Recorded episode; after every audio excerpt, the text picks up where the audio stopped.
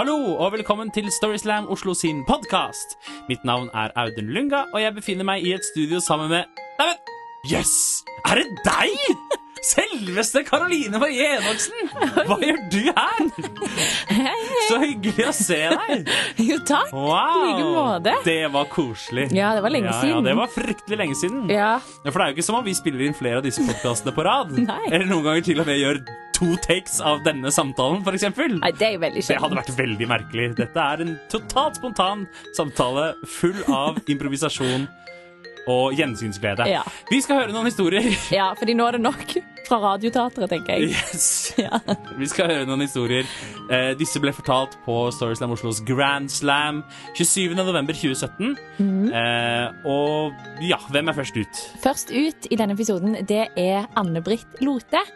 Eh, og hun gir oss fortellingen om en uke da hun tok ekspressfart inn i voksenlivet.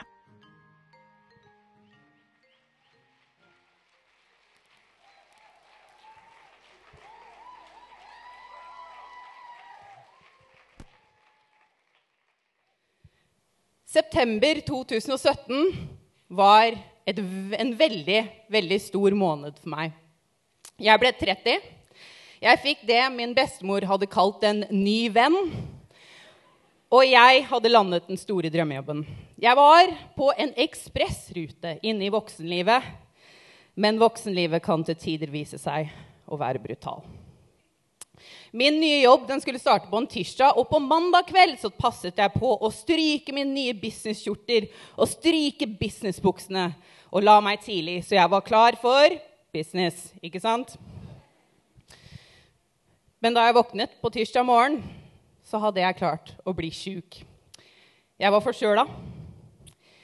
Men det skulle ikke være noe showstopper for meg. Det var ikke snakk om å gå glipp av min første dag på jobb. Så jeg kom på kontoret og ble møtt av alle mine nye kollegaer som hadde rigga opp tidenes velkomst til meg. Jeg hadde liksom en PC og Android-telefon klar, en stor, flott orkidé og et kort med masse winky emojis på. Og på det kortet så sto det Kjære Anne-Britt. Velkommen til selskapet. Vi håper du vil ha det fint hos oss. Hilsen din nye kollegaer. Og da kjente jeg på det. Prestasjonsangst. Med stor P. Og den jobben ble plutselig veldig, veldig virkelig. Den angsten kombinert med forkjølelse ble bare verre og verre og verre i løpet av den tirsdagen. Og på onsdag natt, sov, eller natt til onsdag sov jeg dritdårlig. Jeg våkna onsdag morgen, og det jeg så i speilet den morgenen der, var ikke pent. Jeg hadde rødsprengte øyne, jeg var gjennomsvett. Jeg var absolutt ikke i noe som helst stand til å dra på jobb. Men hva er det voksne mennesker gjør i slike situasjoner?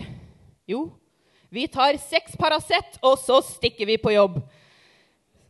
Så jeg møtte opp på kontoret, og på agendaen den dagen så hadde jeg en hilserunde i etasjene.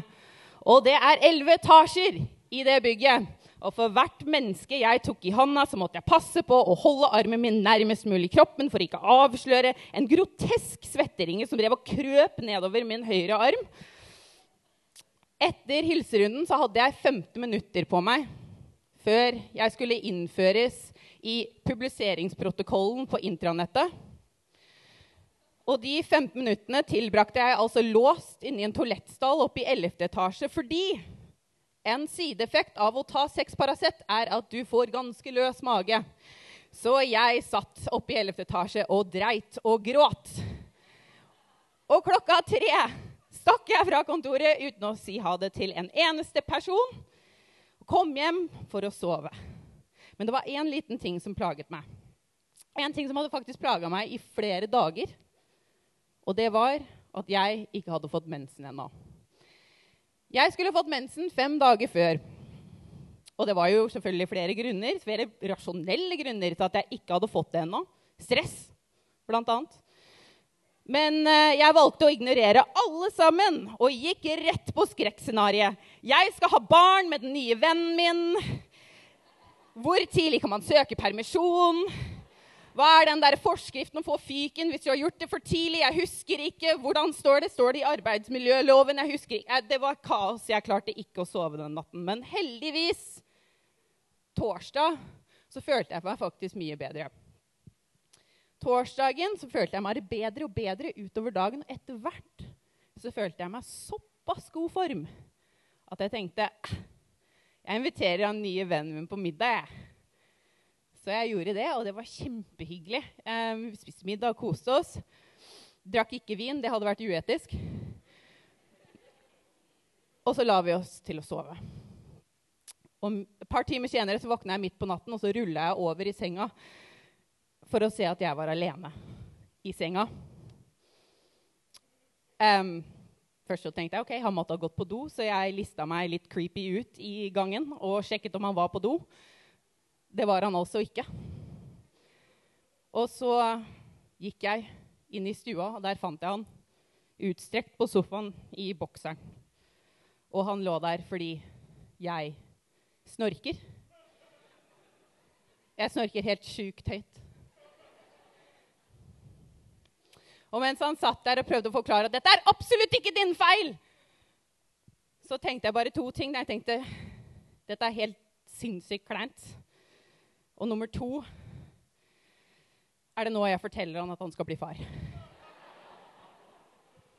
Men jeg holdt den informasjonen til meg selv og gikk tilbake i senga alene. Så da jeg endelig kom til fredag morgen, så var jeg satan så klar for å avslutte den jævla drittuka som hadde vært.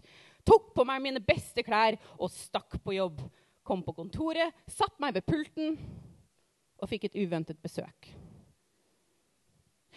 Jeg kunne i hvert fall konstatere at jeg ikke var gravid. Og trusa mi var marinert i beviset. Så jeg begynte desperat å lete etter et eller annet form for hjelpemiddel. Og heldigvis, heldigvis Helt nede i veska, under noen gamle kvitteringer, sand og uttørka snusposer fant jeg den stusslige reservetampongen. Dere vet hva jeg snakker om, jenter. Og jeg beina på do og fikk ordna opp. Og mens jeg satt der oppe på do i 11. etasje for andre gang, så satt jeg reflekterte og tenkte meg selv Går det an? Er det mulig å få en verre start på en ny jobb? Og vet du hva, folkens? Det er faktisk fullt mulig. Det er helt mulig å ha en verre start. Fordi selv om jeg hadde klart å ordne opp i det kaoset i trusa, så hadde jeg altså i prosessen klart å skvette menstruasjonsblod på den hvite businessskjorta.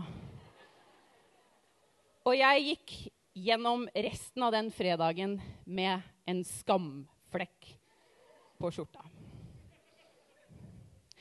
I etterkant av alt dette her så skjønner jeg at jeg kanskje kunne ha um, unngått en del problemer ved å kanskje bare si fra til noen at jeg ikke helt var i form. Eventuelt eh, bare lot meg overbevise at selv om en venn ikke kan sove ved siden av deg når du snorker, så betyr det at det ikke kan bli kjæresten din. Det er jo faktisk ingen som krever at jeg skal være perfekt. Det er det bare jeg som gjør. Tusen takk.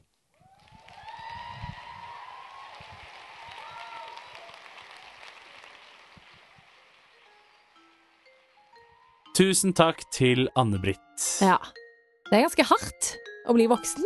Ja, det er tydeligvis det. Ja, det er tydeligvis det. Heldigvis lenge til jeg blir voksen. Ja. Jeg òg. Ja. Veldig lenge. Men det er jo noe med det å liksom ikke ha foreldrene sine rundt seg lenger, som kan si sånn Å nei, du er for sjuk. Du burde bli hjemme. Nettopp. Ja. Og det er jo kanskje noe av det man innser når man er voksen, at man kanskje har tatt foreldrene sine litt for gitt. Og det skal vi nå få høre litt mer om. Her kommer fortellingen til Hege Hauf Vattum.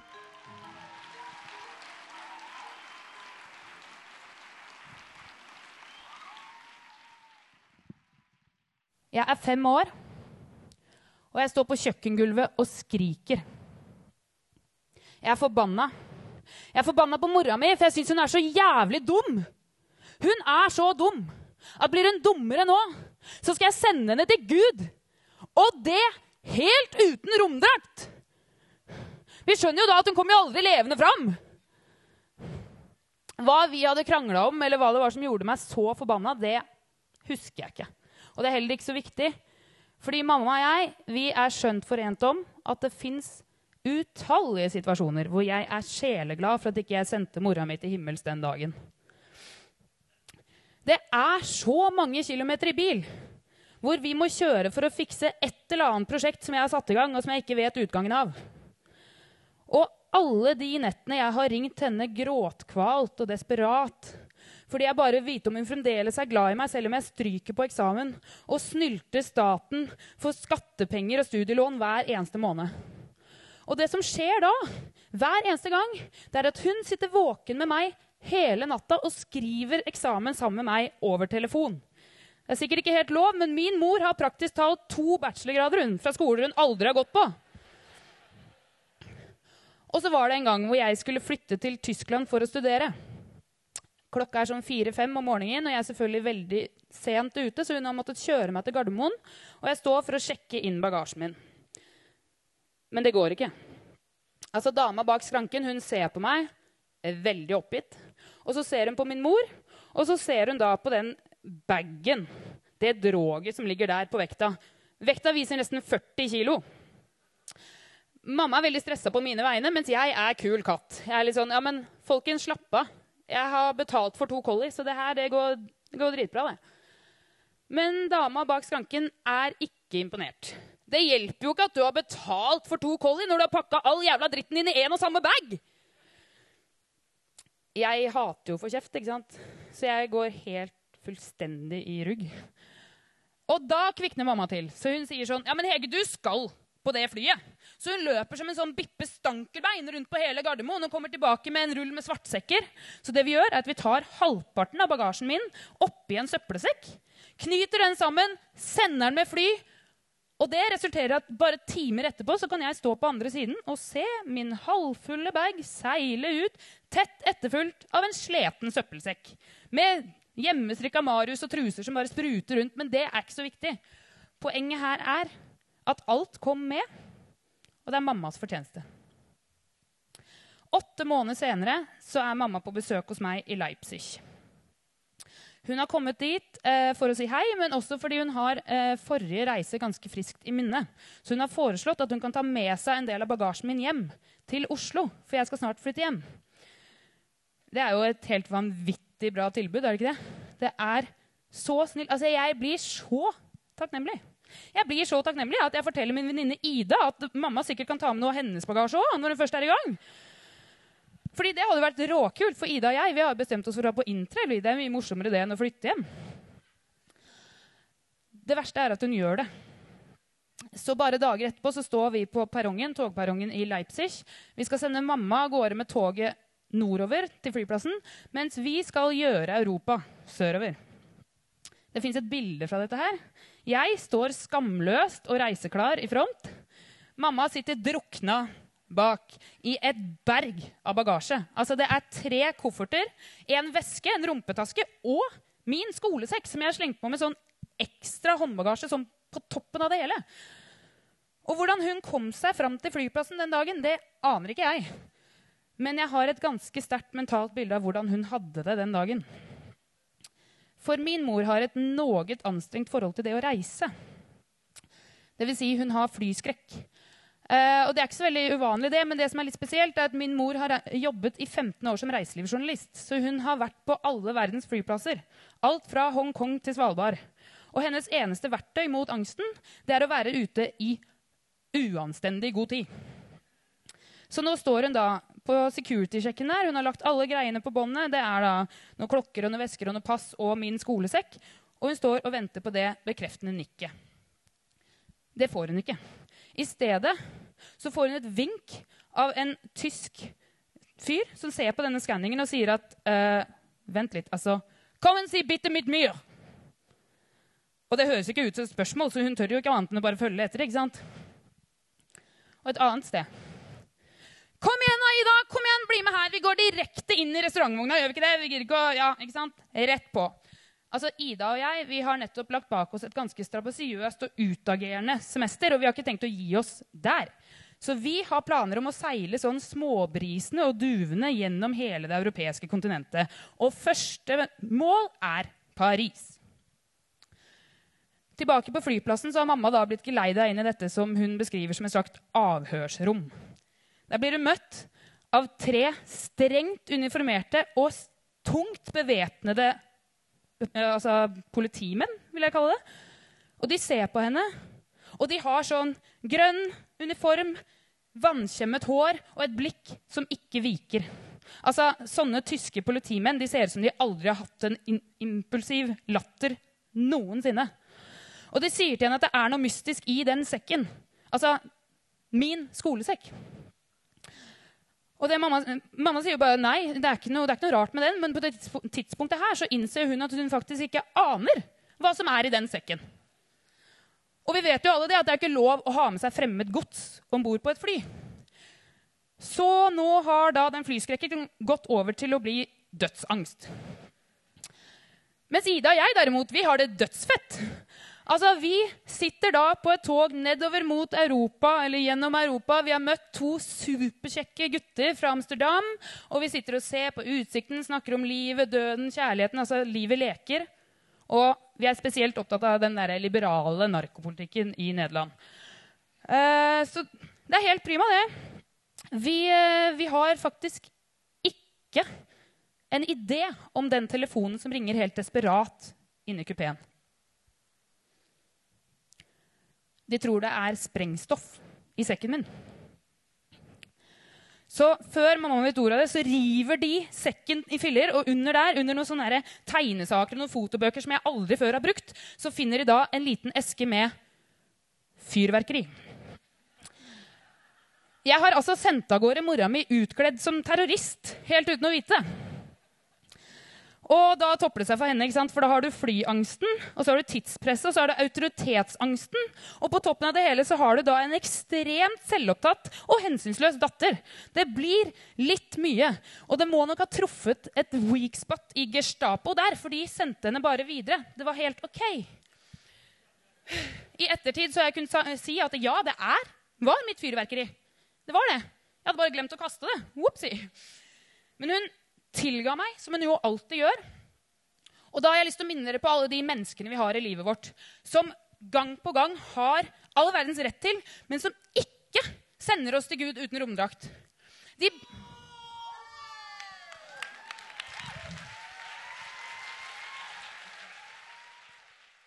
Tusen takk til Hege. Og det som er litt viktig å si nå, kom jeg på, Audun, Ja. er jo det at den stemmen du plutselig hører som liksom roper inn på slutten der Som det roper er jo- 'stopp'! Ja, med knekk i stemmen. -hmm. Det er jo vår glamorøse assistent Tor André. Og hvorfor gjør han det? Det er fordi han sitter og følger med på alle fortellerne, og at de kun bruker maks åtte minutter på fortellingene. Mm. Eh, så da Hege gikk litt over, så ropte han stopp. Ja. Så det kan faktisk skje på Storyslam. Og da er, får ikke fortelleren lov til å fullføre fortellingen sin, og hvis publikum vil høre resten, så må de oppsøke fortelleren på privaten. Ja. Men neste Storyslam, ja. den er 5. mars, mandag 5. mars klokken åtte på Kulturhuset i Oslo. Mm. Det Eh, blir veldig bra. Ja, og vi håper at du kommer. Ja. Og hvis ikke du har anledning til å komme på Storyslam den 5. mars, så vil jo fortellingene uansett bli lagt ut på denne podkasten som kommer ut med ujevne mellomrom. Yep. Og vi setter veldig pris på om dere som hører på podkasten, gir oss en liten tilbakemelding, gjerne i form av en stjerne, eller fem, eh, eller to, eller tre, eller fire. Ja. Og kanskje en liten tilbakemelding med hva du syns. Ris og ros vil vi gjerne ha. Det vil vi ha. Si din mening og vær ærlig. Ja. Vær det. Takk for nå.